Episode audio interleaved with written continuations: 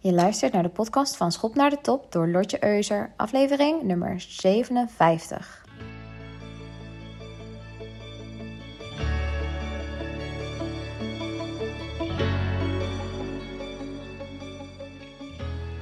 Hallo allemaal, welkom bij de 57e aflevering. Dit is weer een bijzondere aflevering, want ik heb namelijk een geweldige powervrouw als gast in mijn podcast, Marloes Berg. Zij is oprichter van Guus. En onze missies stroken wel heel mooi met elkaar. En dat was ook een van de redenen dat ik haar heb uitgenodigd. Nou, het gesprek is echt heel interessant geworden. Heel mooi over topvrouwen en alle uitdagingen die ja, vrouwen moeten tackelen als ze door, naar de top willen doorgroeien. En daarnaast deelt Marloes ook haar eigen verhaal met ons. En ja, dat maakt deze aflevering tot best wel een speciale. Dus ik wens je alvast heel veel luisterplezier. Welkom allemaal bij deze nieuwe podcastaflevering. En vandaag ga ik een geweldige vrouw interviewen, namelijk Marloes Berg. En Marloes en ik uh, zijn eigenlijk oude bekenden van elkaar. Want Marloes heeft mij geholpen, uh, echt, ja, wat is het geleden? Acht jaar geleden. Uh, met mijn businessplan, toen ik nog plannen had om een modezaak te starten. En Marloes heeft mij geholpen om een lening voor, voor elkaar te krijgen van 50.000 bij credits destijds. Nou, uh, heb ik niet aangenomen. Uh, mijn, mijn verhaal is heel anders gelopen. Het is een verhaal van een andere keer. Maar Marloes heeft een nieuw bedrijf opgestart, Guus. En ja, dat, dat strookt helemaal met mijn missie. mijn missie om meer vrouwen naar de top te brengen. Dus ik vind het fantastisch dat je er vandaag bent, Marloes. Welkom. Ja, dankjewel. Leuk om hier te zijn. ja, super. Nou, uh, ik neem aan dat mijn luisteraars jou nog niet kennen. Dus vertel, wie ben jij? Wat doe jij? Ja, leuk dat je dat net uh, vertelde in de intro. Nou, ik ben Marloes Berg. Uh, ben oprichter van Guus, vrouwelijk toptalent voor het MKB. En ben begonnen in de accountancy, waar ik dus Lotje vandaan ken. KPMG ben ik begonnen, grote accountskantoren gehad. Um, KPMG dan, BDO en Grant Thornton. En uh, wilde altijd partner worden vanaf dag één dat ik accountancy heb gestudeerd. dat was mijn ambitie, mijn drive. En de weg daar naartoe, nou, die, die, die zat, wel, zat wel goed. Um, totdat ik eigenlijk zo dichtbij was, corona kwam. En dat ik dacht van, hé, hey, ik heb hele mooie dingen mogen doen. Uh, dingen voor elkaar mogen krijgen. Uh, ik heb nu zo'n gaaf idee. Dat zou eigenlijk nou, heel veel verandering teweeg kunnen brengen. En dan snel merkte ik dat dat nog heel lang ging duren om dat voor elkaar te krijgen. En met heel veel energie. Um, daarom ben ik, ja, heb ik besloten mijn baan op te zeggen. En heb ik een jaar lang een sabbatical gehouden. En in dit jaar tijd ben ik mijn twee compagnons, waar ik nu Guus ben mee gestart, ben ik tegengekomen. En dat is gewoon per toeval en uh, met elkaar gesproken uh, over van alles en nog wat. Waar ik tegen, tegenaan liep de afgelopen jaren, wat ik graag wilde. En de afgelopen jaren heb ik als sparringspartner gefungeerd. Moet we natuurlijk wel goed zeggen. En ehm, wat ik zag is dat heel veel MKB-bedrijven waar ik zat, is dat er veel meer te halen was dan wat, daar, wat daarin had. En dan moet je denken aan een gezond en winstgevend bedrijf. En uh, uiteindelijk ben ik daar, heb ik daar een methodiek voor ontwikkeld. En dat doen we bij Guus. En daar gebruiken alle vrouwen gebruik van. Waardoor we op resultaat zitten en vrouwen niet op uurtjes worden weggezet. Uh, we maken gebruik van CFO's op dit moment maar echt op resultaat. Nou, die, die methodiek die bestaat uit drie stappen: inzicht, grip en focus. En daardoor kunnen MKB-bedrijven op een laagdrempelige manier hoogwaardige kwaliteit, hè, vrouwen die bij grote MKB-bedrijven hebben gezeten of zelfs bij uh, corporate, um, ja, kunnen ze ook van die expertise al gebruik maken, waardoor zij kunnen excelleren in hun groei. Dus ik heb echt bedrijven die echt goede ambitie hebben, en uh, uiteindelijk ook wel willen verkopen, maar niet allemaal. Dus het zit voornamelijk op die groeiambitie. Ja, mooi. En met... Ja? Oh, sorry. en, ja, en waar, en waar komt die naam Guus vandaan? Waarom heb je ja, wel grappig. Ja, een grappig dat je het vraagt. Iedereen vraagt dat. Ja, waarom Guus? En dat, dat is ook de bedoeling, hè? blijft hangen. Guus, kijk, als ik zeg Guusje, dan denk je wel aan vrouwen. Maar Guus denk je automatisch aan een man. En dat is wat er vaak gebeurt. Vaker is dat er onbewust uh, hè, hebben we denkpatronen en dat we dingen invullen op onbewust niveau. En met Guus uh, ja, wij doen alles. Guus, vrouwelijk toptalent voor het MKB. Je ziet ook alleen maar vrouwen. We doen het met vrouwen. En ja, dat maakt het heel interessant dat Guus blijft hangen. Hmm, ja, nou, ik moet eerlijk zeggen, ik heb ook een vriendin die heet Guusje. En daar inderdaad denk ik direct aan een vrouw, maar bij Guus denk ik sneller aan Guus Meeuwis bijvoorbeeld. Dus ik ben er ook een beetje ingestapt. Ik ben ook een beetje biased eigenlijk wat dat betreft. Erg heb ik ook. Ja, ja, ja, absoluut. absoluut. Ja, ja. Het is gewoon bewustwording, hè? Ja, precies, dat is het. Dat is het. Het is echt een stukje bewustwording van, oh ja, we gaan te snel aan stereotyperingen denken. En oh, dat zal wel een man zijn. Mensen vragen het mij trouwens ook heel vaak van, uh, ja, heet je Lotje? Maar uh, heet je nog steeds zo? Of noemen mensen je inmiddels Lot? Maar mijn naam is echt gewoon Lotje. Het is niet Lot, het is Lotje. En dat blijf ik gewoon voor altijd claimen. Net zoals dat Brechtje gewoon Brechtje heet. En Guusje heet Guusje. Nou ja, heel grappig dat je dit aanhaalt. En ja. uh, waarom is het nou zo belangrijk dat er ja, meer vrouwen in het topmanagement komen? Het, het, mooie is, en er zijn natuurlijk heel veel studies zijn er, uh, uh, zijn er gedaan. En wat blijkt is dat als er, ik heb het echt over balans, dan ontstaat er een synergie tussen mannelijk en vrouwelijk leiderschap. En het mooie daarvan is, is dat bedrijven uiteindelijk meer winst realiseren. Maar dan moet je wel eh, die balans, en dat, dat zit niet precies op 50-50, dat mag ook 60-40 zijn. Maar nu is het zo laag dat je de voordelen daar niet van plukt, omdat we met een groepsdynamiek al te maken hebben. Ik leg het altijd uit met schaapjes. Als er uh, vijf blauwe schaapjes zijn en er is één groen schaapje, en dan kijken al die blauwe schaapje, hé, dat is wel een vreemd schaapje, die groene.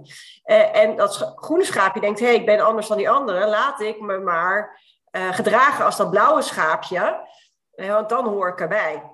En daardoor gaat dat hele effect van vrouwelijk leiderschap ja, gaat eigenlijk teniet, terwijl dat eigenlijk heel kostbaar kapitaal is. Hmm, ja, en wat, wat betekent die missie van Guus voor jou persoonlijk? Waarom voel jij je zo verbonden om dit op te zetten en meer vrouwen in dat management te krijgen? Waar komt dat vandaan? Nou, dat komt vandaan omdat ik natuurlijk zelf, hè, eh, mijn ambitie uh, was om, om partner uh, te worden. En in eerste instantie viel mij dat niet zo op toen ik begon. Ja, toen waren misschien uh, 40% vrouw en 60% man. En op een gegeven moment, als je dan toch verder in je carrière komt, dan ga je opeens realiseren: hé, hey, ik ben eigenlijk een van de weinigen. En zeker zat ik in een management develop traject. En dan was ik de enige vrouw die daarvoor werd gevraagd. Dus dat realiseerde me dat ik dacht van ja, dit is gewoon zo zonde. En waar vrouwen ook op afhaken, uh, dat, ja, dat, ik had echt zoiets van, kan dat niet op een andere manier, uh, die vrouwen naar de top worden gebracht? Moet dat nu op deze manier gedaan worden? En dat is ook wat we bij Guus doen. Wij kijken voor onze vrouwen die uh, uh, bij Guus in dienst komen. Die kijken we naar de arbeidsvoorwaarden, naar zowel het zakelijke, hè, want we willen wel dat we kwaliteit leveren dat we up-to-date zijn. Maar we kijken ook naar privé. En daar moet een hele goede balans tussen zijn. Dus ik heb gewoon vrouwen die zeggen van ja, ik, ik, ik wil graag zangles volgen. Ja, ik heb liever dat je zangles volgt en dat je heel erg blij bent, dan dat ik zeg nee, nee, wij doen alleen het sportabonnement. ja. dat, dat is het. Dus, uh, of sommigen die willen heel graag vrijwilligerswerk doen. Vrouwen doen heel veel vrijwilligerswerk. Als jij daar gelukkig van wordt, dan is dat, uh, is dat goed. Dus vrouwen creëren bij ons ook hun eigen arbeidsvoorwaarden. Maar er moet wel resultaat in zitten. Ja, wat wil je dat het oplevert?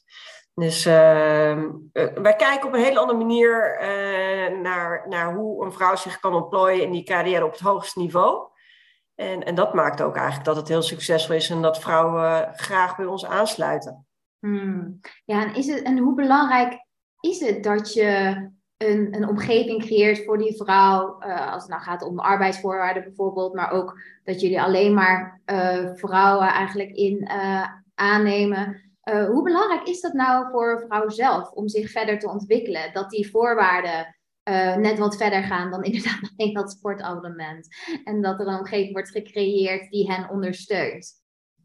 Ja, wat heel belangrijk is, is dat we eigenlijk te weinig rolmodellen hebben in het vrouwelijk leiderschap ja, de rolmodellen die we hebben. Uh, ja, ik kon bij de meeste maar niet zelf conformeren. Dus ja, dus dat is, uh, dat is uh, een heel belangrijke om die rolmodellen te creëren. Wat we doen is, we hebben ook ja, community eigenlijk waarin we zijn. Het zijn allemaal dames op hoog niveau. Hoger dan dit kan niet. Die allemaal CFO zijn.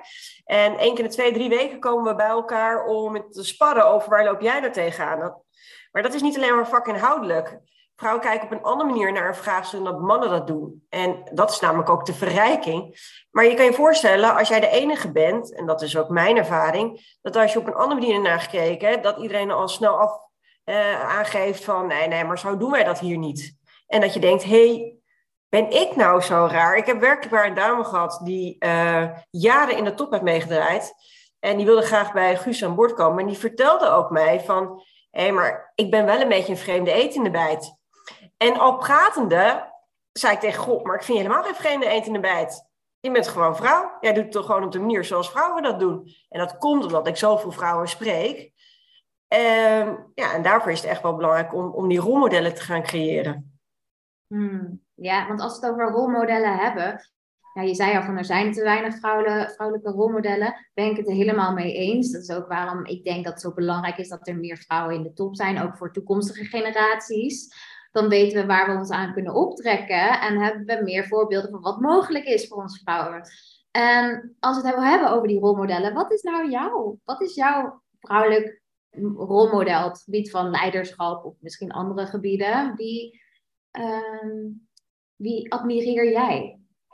Dat is wel grappig. Wat ik, wat ik doe is kijken eigenlijk bij, bij, bij alle vrouwen hoe ze het doen. En daar pik ik dan het beste van. Hè?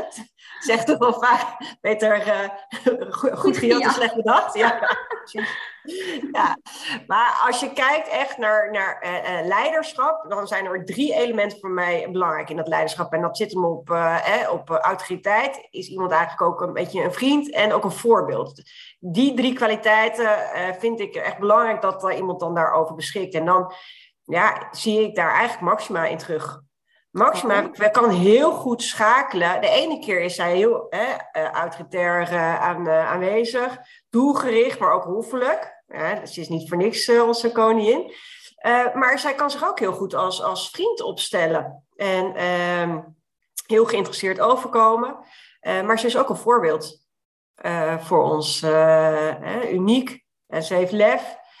Maar kan ook het grotere plaatje schetsen. Dus, en dat weet ze zo goed. Elke keer als je haar uh, nou ja, bekijkt, haar, volgt, dan weet zij tussen deze drie stijlen heel, ja, heel snel te schakelen.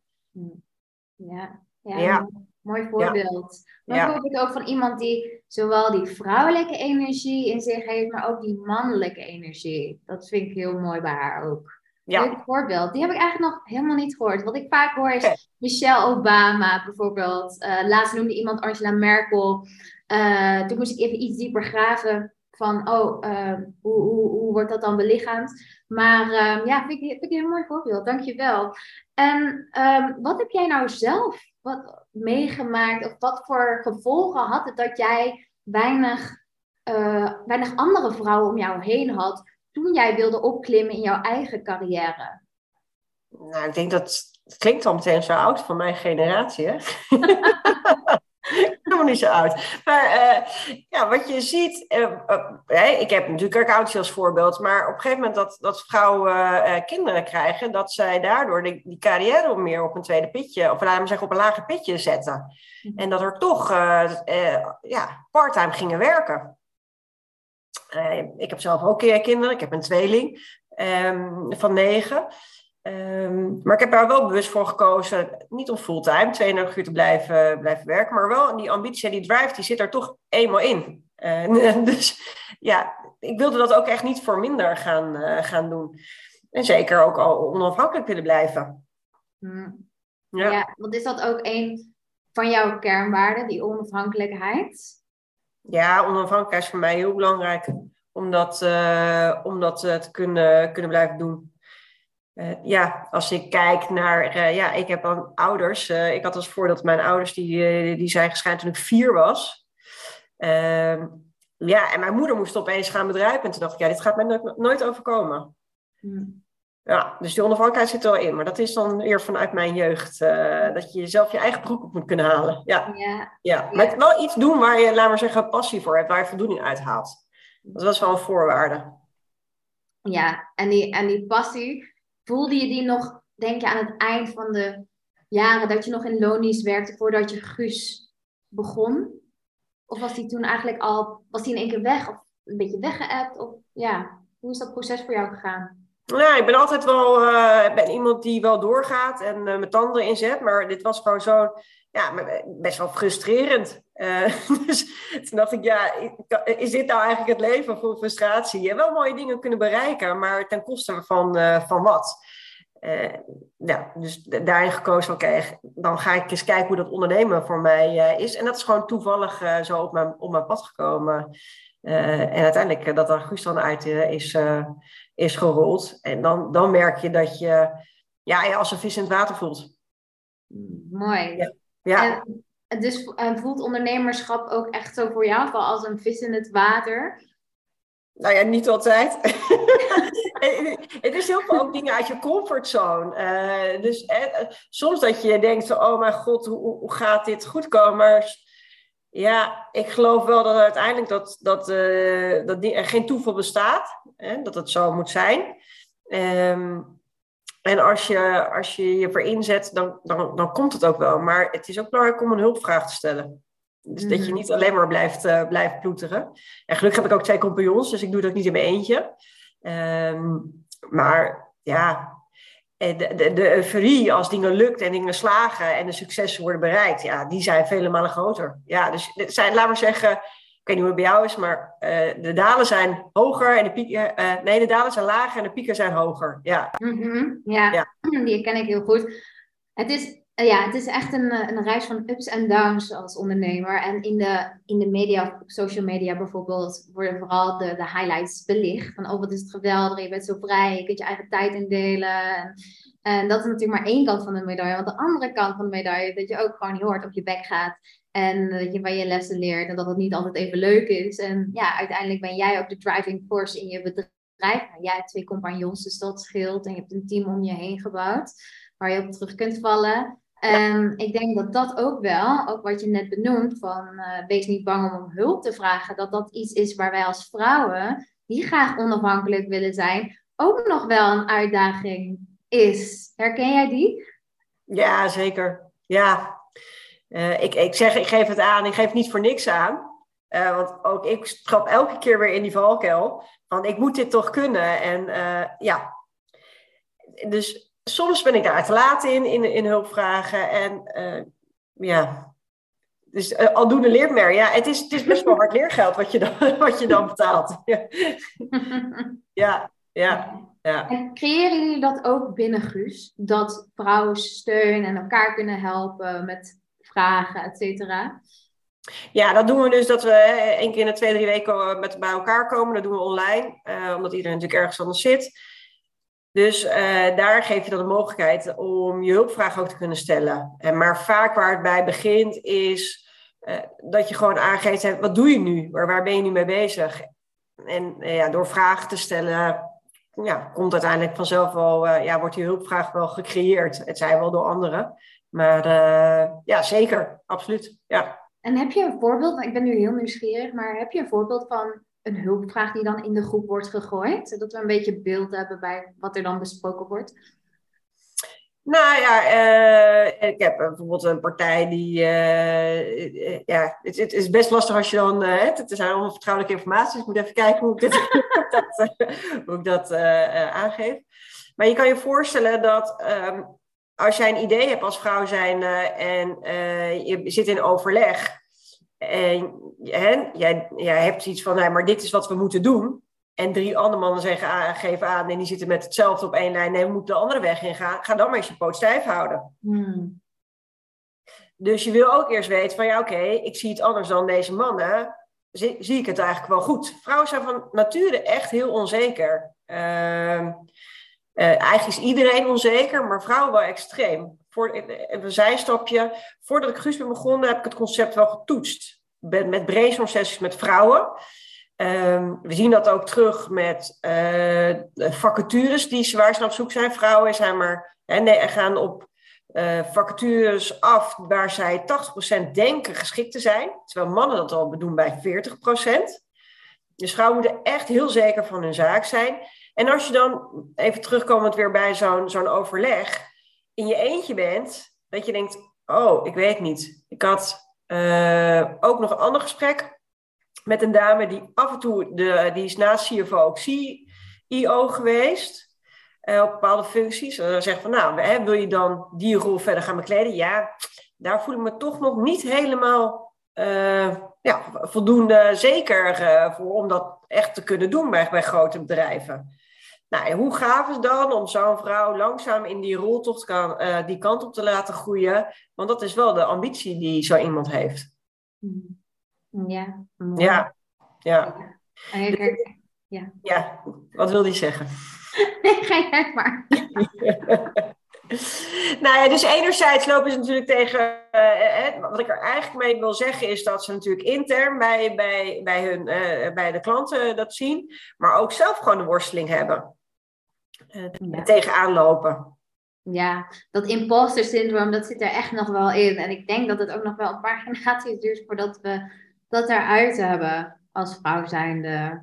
En ja. ik weet ook niet precies waar dat vandaan komt. Waarom wij daar meer last van hebben dan mannen. Waarom, of dat, dat iets genetisch is of iets hormonaals. Natuurlijk bij als vrouw hebben natuurlijk die hormoon uh, schommelingen. We hebben andere, ons lichaam zit compleet anders in elkaar. Ik kan me ook de ene week top of the world voelen. De andere week ik gewoon onder mijn dekens blijven liggen. En denk oh nee, kan niet meer.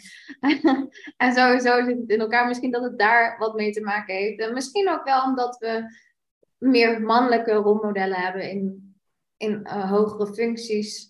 Uh, waardoor mannen zich makkelijk kunnen identificeren en die rol kunnen, zich kunnen aanmeten en zich kunnen voorstellen dat zij zo'n rol uh, gaan, ga, gaan aannemen later. Waarbij we als vrouw dat nog missen. Dat we misschien elkaar nog meer moeten overstelpen met vrouwen die in de top zitten en hoe ze dat voor elkaar hebben gekregen. En die verhalen delen, maar ook de lessen delen, zodat het meer tastbaar, denk ik, wordt. Hoe zie jij dat? Nou, ik vind het interessant wat je zegt. Ik heb nog uh, afgelopen jaar een collegereeks bij Nijenrode gevolgd over vrouwelijk leiderschap. En daarin uh, zie je duidelijk wat zijn de verschillen tussen mannen en vrouwelijke leiders. Uh, eigenlijk de basis is dat de mannen een ander spel spelen dan dat de vrouwen dat doen. Mannen doen, uh, doen aan schaken en vrouwen doen aan mensen erg niet. Leg eens uit. ja, wat, een mooi voorbeeld daarvan is bluffen. Vrouwen bluffen niet. En mannen doen dat wel. Er werd, ik kreeg een fragment te zien. er waren vier jongetjes. Dit is dan een experiment hè, die er dan maar uit worden gevoerd. Vier kleine jongetjes, die hebben de bal hoog gehouden. En dat waren ze aan het evalueren met elkaar. Nou, drie turven hoog zijn ze. Dus de eerste begint, ik heb zo hoog geschoten als het huis. Nou, helemaal goed volgende jongetje zegt, ik heb zo hoog geschoten als die boom daar. Dat was hoger dan het huis. Vervolgens zegt het derde jongetje, nou, ik heb geschoten tot Mars. Nou, jongens, zo, dat is goed, dat is goed. Waarop die vierde zegt, ik heb helemaal naar God geschoten. Nou, iedereen natuurlijk ook. ook echt fantastisch. dat te zeggen. Ja, en iedereen, iedereen gaat daarin mee. Ja. Dus, dus, dus, nou, maar ja, daar komt niemand meer overheen. Niemand kan hoger schieten dan God. Dus dan, houdt het klaar, dan is het op. Dat is klaar. En nou, toen hebben ze datzelfde gedaan. En toen moesten jongens opnieuw even... Toen hebben ze een meisje erin gezet. En wat gebeurt nu? Dat op het moment dat dat jongetje zegt... Ik heb naar Mars geschoten, zegt dat meisje... Jij mag niet liegen van je moeder. en die denkt ook, ja, wat is dit voor stommigheid? Waarop die jongetjes dus eigenlijk pissig naar haar kijken en volgens weglopen. En zij heeft dat spelletje bederfd. Hmm. En dat is me het meest uh, bijgebleven. Uh, nou zijn er legio van dit soort voorbeelden. Wat, wat er gebeurt is dus dat mannen uh, weten van elkaar dat ze bluffen. En vrouwen weten dat eigenlijk helemaal niet. Ja, ik heb nu dat inzicht gekregen en ik weet hoe dat zit. Dus het kan ook in je voordeel werken, omdat je weet hoe het andere spel wordt gespeeld. Dus ja, als je aangeeft van goh, uh, en, zelf daarin meegaat, dan zullen mannen altijd aankijken, hey, hè, maar zoals het nou, is het nou echt zo? Want men weet ook, mannen weten ook dat vrouwen niet bluffen. Hmm. Dus nou, met andere woorden, doe er je voordeel mee. Maar je hebt veel te eerlijk. meer soort inzichten. Eh, is echt wel interessant om, eh, om te weten. Want we hebben gewoon meer een mannenwereld in de top eh, dan, dan vrouwen. Dus je hebt gewoon dat spel te beheersen. Mhm. Ja, je moet weten hoe het spel gespeeld wordt en dan je Ja. eigen weg erin vinden. Precies, zonder dat je jezelf het verliest. Dat je je authenticiteit gewoon bewaart. Ja, en dat kan dan ook. Ja, Ja, precies. Want dat is denk ik heel belangrijk voor ons vrouwen. Dat los van dat we willen doorgroeien en dat dat heel belangrijk is, is dat we ook dat we onszelf blijven en dat we ons niet gaan aanpassen aan die cultuur die er al is, aan die top. Dat we daar niet in meegaan en dat we onszelf verliezen. Want dat is, is zo grappig. Ik heb de afgelopen tijd best wel veel interviews gehouden. En dat is iets wat telkens weer terugkwam. Dat eh, mensen signaleerden dat vrouwen, zodra ze doorstromen naar de hogere functies, dat ze zichzelf verliezen en dat ze zichzelf als een man gaan gedragen. Is dat ook iets wat jij herkent vanuit jouw ervaring, vanuit jouw werkervaring? ja, ja absoluut. Ik heb eh, eh, een aantal vrouwen voor mij zien gaan. Hè? Die zaten in dat traject om partner te worden. En binnen een jaar tijd zij waren deze vrouwen omgeslagen naar nou ja, dat ik dacht van echt mannelijk gedrag vertonen. Dat ik dacht van, maar ik herken je helemaal niet meer hierin. En toen ik zelf in dat traject zat, merkte ik dat ook aan mezelf. Onbewust ga je toch dat gedrag vertonen, ondanks ik zo graag wilde dat het mij niet ging overkomen. en daarvoor hebben we ook die community bij Guus ingesteld. Dat als je continu alleen maar om- omringd bent door mannen, dan ga je dat gedrag gewoon vertonen. Eh, en als je graag je authenticiteit wil bewaren, omdat het juist heel krachtig is, omdat het in het voordeel kan werken voor een organisatie, is het goed om je af en toe weer te omgeven met wel eh, gelijkgestemden, maar vrouwen. Dat je die, eigenlijk die vrouwelijke energie weer om je heen hebt. Ja. Wat voor Ja. gedrag ehm, is dan wat vrouwen kunnen gaan vertonen wat eigenlijk niet bij hun past? Heb je wat voorbeelden toevallig? Ja, eh, laat maar zeggen, minder empathisch. Dus echt meer op feiten en cijfers gaan zitten. Eh, in plaats van eh, ja, empathisch vermogen, ehm, emoties, die, de enorme blijdschap of echt gewoon bij de feiten houden. In plaats van in leven in, in ander, van hoe zou hè, die ander kan ik zijn kracht zetten en wat is daarvoor nodig. Ja, dat gaat, zit ook wel een beetje op een stukje onbewust niveau, maar dat zit meer op het empathisch vermogen. En ik merkte zelf dat ik ook echt gewoon kaart op die feiten en die cijfers zit. Ja, Eh, ja het is jammer dat het iets minder gaat, maar eh, morgen weer. Weet je wel zo. dat ik echt dacht van ja, eh, nu gaat het gewoon even niet met die persoon. Mhm. Ja, ja. Ja, mooie voorbeelden, thanks. En ehm, even kijken, ik ben ook heel benieuwd naar, eh, nou kijk, jullie helpen die vrouwen, dat ik fantastisch vind. Ehm, maar ik ben ook wel benieuwd van, eh, wat voor advies heb jij eigenlijk gekregen in jouw eh, loopbaan, carrière, waarvan je denkt, nou, dat was echt, dat heeft, dit heeft mij veranderd, of dat heeft mijn pad veranderd, of heb je, heb je een voorbeeld? Ja, ik heb op een gegeven moment. Eh, ik zit, zat sowieso al heel erg op mijn klant. Hè. Hoe kan ik zo goed mogelijk mijn klant bedienen? Er wordt nog heel vaak werd er, hè, dit is dan in vakinhoudelijk, kan je vanuit productgedachte van hé, hey, we hebben een product. Eh, hoe gaan we dat eh, eh, aan de man brengen? Want het is zo goed. Ja, dat klopt. Het was ook echt wel goed. Maar de vraag is, zat, zat, zat de klant daarop te wachten? dus, ehm, maar ik heb op een gegeven moment heb ik een coach in de arm genomen. Eh, en daar heb ik eigenlijk best wel het goede advies eh, gehad. In de zin op basis eigenlijk van marketing hè, en sales. Want ik deed ook aan sales. En die vertelde mij van, eh, ja Marloes, klanten kopen het gaatje, niet de boor. Mhm. En dat heeft wel mijn perspectief veranderd op wat ik vakinhoudelijk allemaal weet. En daarvoor heb ik ook, eh, ben ik aan de slag gegaan om mijn methodiek, die ik onbewust deed, echt voor gaan zitten. Maar, maar wat doe ik nou? In welke stappen doe ik dat dan? En dat, dat is wel voor mij een eh, ja, soort, soort game changer geweest. Ja, ja mooi. Ik, ik zeg ook tegen mijn klanten, want het heeft geen zin om een sleutel te maken als je het slot niet kent. Dat is eigenlijk Precies. hetzelfde. Ja, Ja, ja, mooi. ja. Ja, En als we het dan hebben over slechte adviezen, dat vind ik ook altijd grappig om daarnaar te vragen. Wat, wat is nou het slechtste advies wat jij ooit hebt gehad in je leven? het slechtste advies. Eh, ja, dat ik mijn gedrag moest aanpassen. Want anders eh, ja, gaat het niet werken. Dus jij moest je aanpassen, dat was het advies wat jij kreeg. Want anders kon je niet binnen de organisatie functioneren of binnen de rol. Of... Nou ja, ik, uh, ik, ik, had natuurlijk op een gegeven moment een rol waarin ik, uh, uh, ik weet nog dat ik als manager aan, aan, ja, aan het werk was. En ehm, ik kwam nieuw bij deze organisatie binnen. En daar, daar keek ik, laat maar zeggen, werk naar. Zo werkt dat dan voor assistenten. En dan ja, kunnen zij weer netjes aan de, aan, aan de slag. En dan kunnen ze daar weer van leren. Het is, binnen de accountie is echt wel één grote lerende organisatie. Je leert heel veel. Je mag bij heel veel bedrijven, uh, kom je in aanraking. Dus hele mooie leerschool.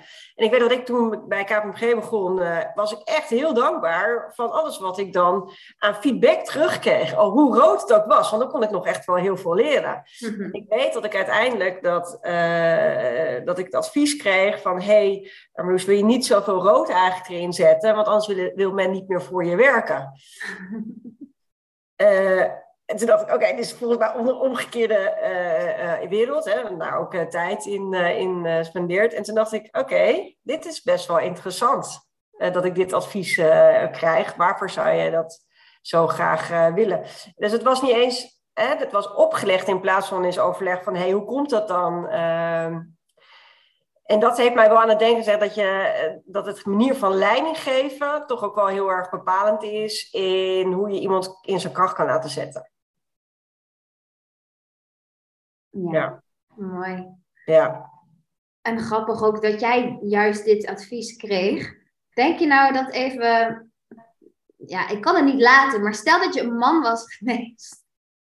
Had jij dan nog steeds dit advies gekregen, denk je? Oeh, vind ik zo lastig om te zeggen. Dat is wel een aanname die ik doe. Ja. dus ik, daar ben ik dan wel weer op de feiten en de cijfers. Uh, ik denk wel, wat ik wel denk, is dat er eerder was gekeken naar mijn potentie. Dan, uh, ik heb wel het idee dat het gehad dat ik me veel harder heb moeten bewijzen. Omdat ik ook andere dingen bedacht dan, dan hè, uh, normaal ja, werd gedaan. Dus mm -hmm. Ik nam ook mensen zeggen van, we moesten wel echt uit hun comfortzone, zeggen, met mij. Uh, ja, dat weet ik niet. Ik durf geen antwoord te geven eigenlijk. Nee, nee.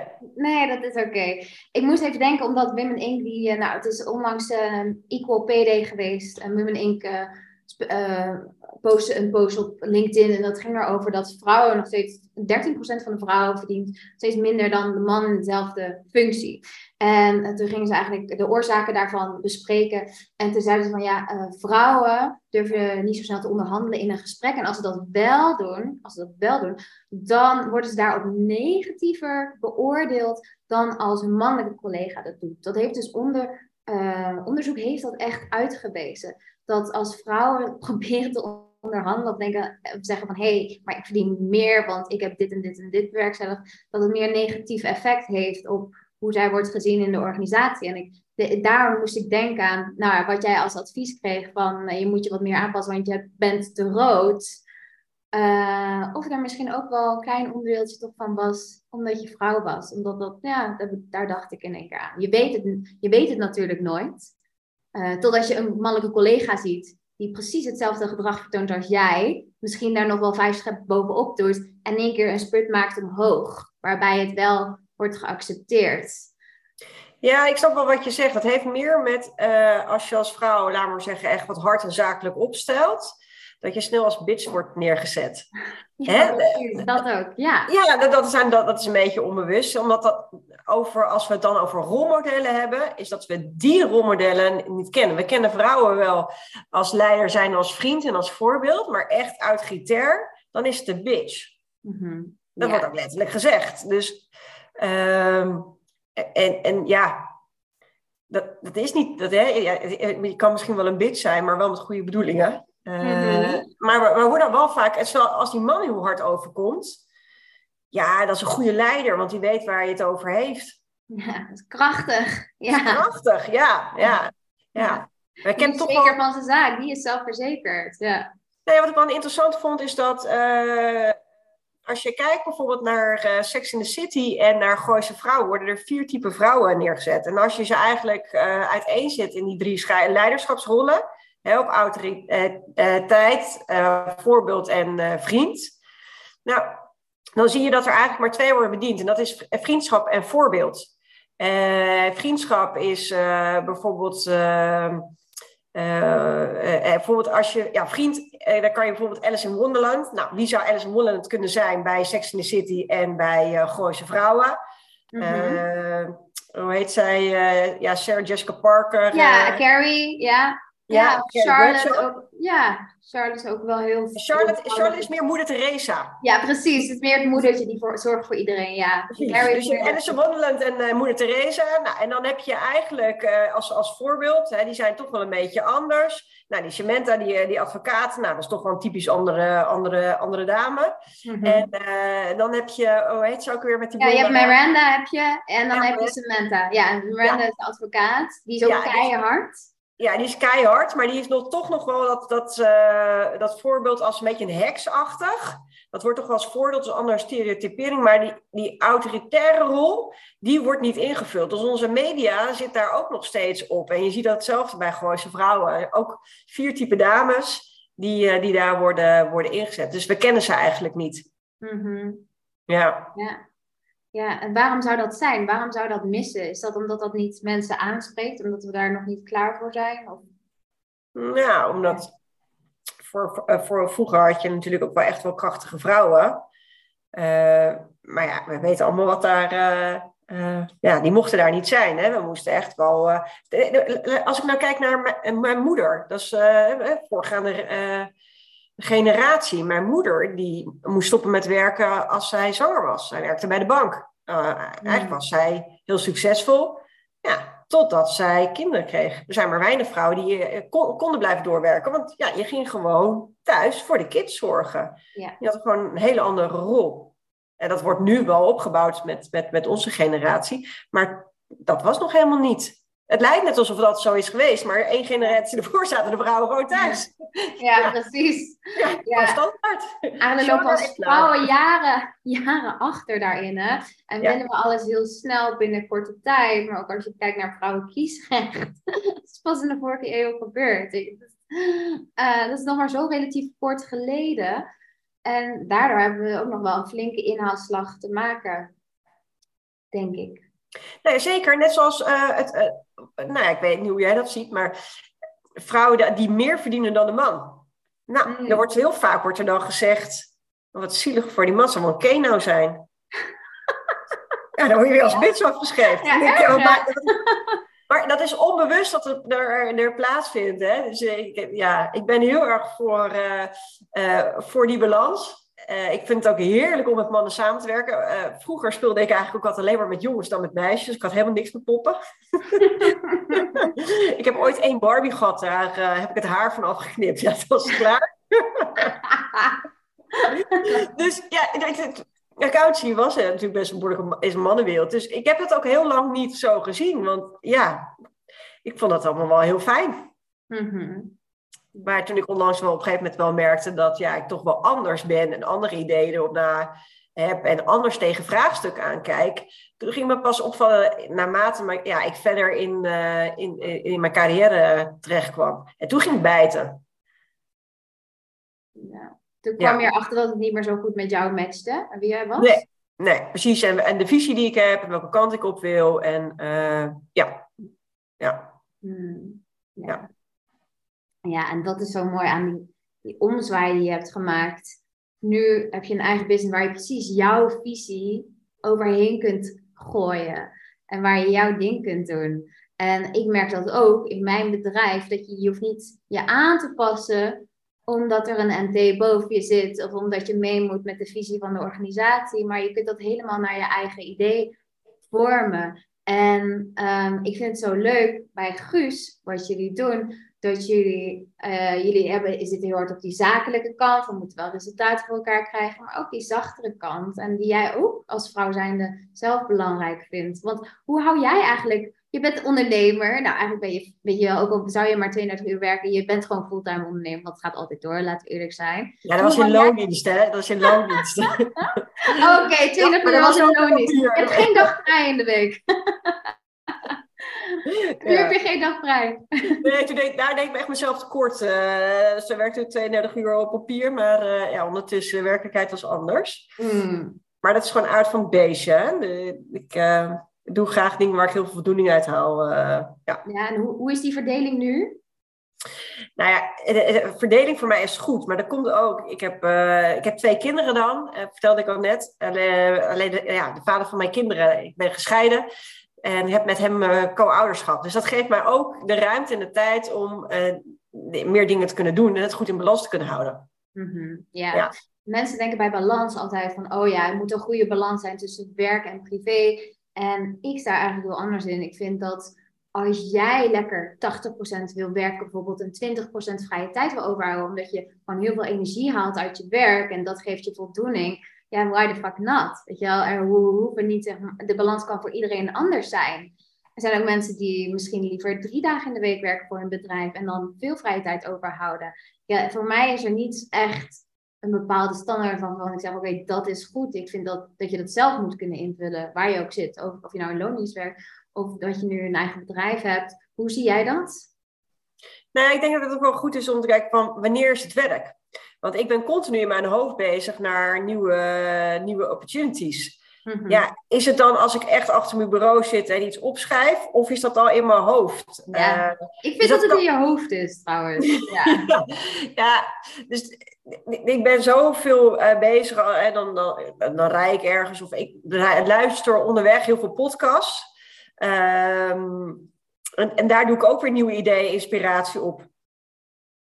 Dus ik ben eigenlijk ben ik continu ben ik, uh, bezig. En hoe hou ik dan de balans? Ja, ik heb natuurlijk ook gewoon een privé en sociaal uh, leven en de, met de kinderen die ik, uh, die ik doe. zolang ik me daar inderdaad goed bij voel, is dat, is dat oké. Okay. Ja. Mhm. ja. Ja. ja, mooi. En hoe, wat zijn manieren waarop jij kunt ontspannen? Wanneer kan ik echt ontspannen? Ehm, ja, dat, dat, klinkt eigenlijk heel, gek, maar ik, ik kan heel erg ontspannen als ik uh, mijn, huis schoonmaak. Lekker. Ja, zeg wel eens opgeruimd huis, opgeruimd hoofd. Uh, ja, dan ga ik daar helemaal op of ik ben aan het, uh, aan het klussen in mijn huis. Uh, maar ook met, uh, met, uh, met vrienden. Wat ik het meest denk van ontspannen is als ik, waar ik echt de boel de boel kan laten, is als, als ik mezelf verplaats naar weet ik, van een huisje wat ik gehuurd heb, dat ik in het bos zit. Dan kan ik me echt, nou, echt de boel de boel laten. Mm. Ja. ja, echt even lekker die afzondering zoeken en even loskomen van de omgeving. Ja, ja, ja. Ja. Ik heb dat met strijken trouwens. Heel veel vrouwen houden niet van strijken. Uh, nou, en ik vind strijken dus fantastisch. Ja, dat is heel stom, maar ik, ik strijk mijn beddengoed bijvoorbeeld. Ik had laatst met, met een van mijn klanten over. En ze zei ook, ik vind het ook heerlijk. Heerlijk om te strijken, omdat het zo rustgevend is. En het is warm. En die geur van het beddengoed, weet je, dat komt helemaal zo, dat, dat, het stoomt zo omhoog. Ja, zo ontspan ik. Dus jij met je opgeruimd huis. Ik met een strijker. Lekker zo de stereotypering. Ja, dat is ook wel stereotypering. Uh, ja, maar ik kan me ook echt gewoon helemaal verliezen. Bijvoorbeeld, uh, nou ja, zo'n huisje. Nou, ik, ik, ga helemaal los als ik uh, op, op internet zit te zoeken naar, nou ja, naar, iedereen zijn wens een huisje te vinden. Ja. ja leuk. Dat ja. helemaal uitzoeken. Ja, ja. Even denken en even kijken. Ja, nou, we komen een beetje aan het einde van deze aflevering. Wat, is nou, wat wil jij nou vrouwen met ambitie nog meegeven? Ja, nou, wat ik tot nu toe uh, als ervaring heb, is toch die onzekerheid van vrouwen. Zo'n enorme drempel die vrouwen zichzelf uh, uh, opwerpen. en ook heel veel perfectionisme erin naar voren komen. Dan heb je toch weer over dat imposter syndroom. Ehm, mijn coach had altijd start before you're ready. en, ja, en die wil ik toch wel graag doorgeven. Ga doen. Je kan natuurlijk alles in, de, in perfectioneren. Ehm, maar uh, ja, de tweede die ik wil meegeven, alles is een kladversie. Je mag natuurlijk weer uh, ja, nieuwe inzichten brengen, ook weer nieuwe ideeën met mee. En kan je het fine-tunen. Maar als je het gaat blijven perfectioneren achter je bureau, komt er helemaal niks uh, uit naar voren. En denk ook groot. Denk eens echt groot. Ehm, eh, wat ik heb gedaan is natuurlijk met twee kampioensbedrijven gestart. Ik zie heel veel vrouwen, zie ik er nu eentje uh, starten. Maar hoe zou het zijn? Wat zou er nog meer mogelijk zijn om het eigenlijk het, uh, het, probleem wat je oplost voor jouw klanten op een nog grotere schaal te kunnen doen? Dat zou natuurlijk fantastisch zijn als je daar de, de, de maatschappij of de wereld mee kan verrijken. En, en wie heb je daarvoor nodig om dat te kunnen bewerkstelligen? Mm. Ja, mooi. Dus ook al voldoe je maar aan 40% van de functie-eisen, gewoon solliciteren. Ja, precies. Gewoon solliciteren. En als je denkt, ja, het lijkt me heel erg gaaf, ondernemerschap, ja, wat heb je te verliezen? Hm. Ja, en, eh, mooi. Ja. Ja. En uh, dus aan alle vrouwelijke CFO's in Nederland, neem je ook CEO's aan of uh, tot nu toe alleen CFO's? Tot nu toe uh, CFO's, maar met CEO's dat zit allemaal in de planning. Dus altijd aanmelden kan altijd. We altijd kijken voor, nou, of we iets interessants voor elkaar kunnen betekenen. Als het nu niet, misschien wel even in, op korte termijn, laat ik het zo zeggen. Mooi. En waar kunnen mensen jou vinden? Ja, ik heb natuurlijk een website. En dat is uh, guusvoorhetmkb.nl. Daar kan je allerlei informatie vinden over ons. En wij posten regelmatig echt wel op LinkedIn ja, en de post. post. En uh, ik denk dat als je, als je geïnteresseerd bent en verder meer wil weten, dat is misschien wel leuk, dan kan je via onze website, guusvoortmkb.nl, kan je een kennisvermakingssessie kan je inplannen. Dat is voor de CFO's. Als je ben je nou ondernemer zeg je, hey, ik wil graag eens een keer uh, groots, uh, groots leren denken en die stip op de horizon zetten. Dat kan ook. Dan denk ik graag met je mee. En dan kan je een strategie-sessie uh, via de website. Kom je meteen rechtstreeks in mijn agenda. En dan kom ik graag met je in gesprek. Of ga ik graag met je in gesprek, ja. Mooi, dankjewel. Dus jullie horen het. Ga naar guusvoortnkw.nl en neem gewoon lekker contact op met Marloes. En ja, Marloes, ik vond het superleuk om je zo gesproken te hebben. Dankjewel dat je in mijn podcast wilde komen. Ja, ontzettend leuk, Lotje, om te doen. Ja, ik ben ook heel benieuwd waar je allemaal heen gaat. Met Guus, wat zijn jullie, wat zijn jullie grote ambities? voor Guus? Wat, wat is jullie stip op de horizon? Nou ja, natuurlijk, uh, wat we nu doen is uh, met de CFO's uh, groeien, we, groeien we hard.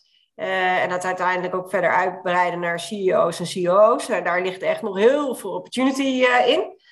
Um, en daarnaast de aanwas om van onder, want ja, hè, vrouwen in de top zijn nog steeds weinig. Dus er moet nog steeds nieuwe vrouwen bij. Dus degene die de sprong willen gaan, gaan, gaan wagen om door te stomen in een carrière, dat kan. Je kan gewoon lekker part-time bij ons aan de slag. Dat is het voordeel. En met de community die we hebben, ja, kan je daarin gaan leren en verder gaan ontwikkelen. Mooi, dus, ja.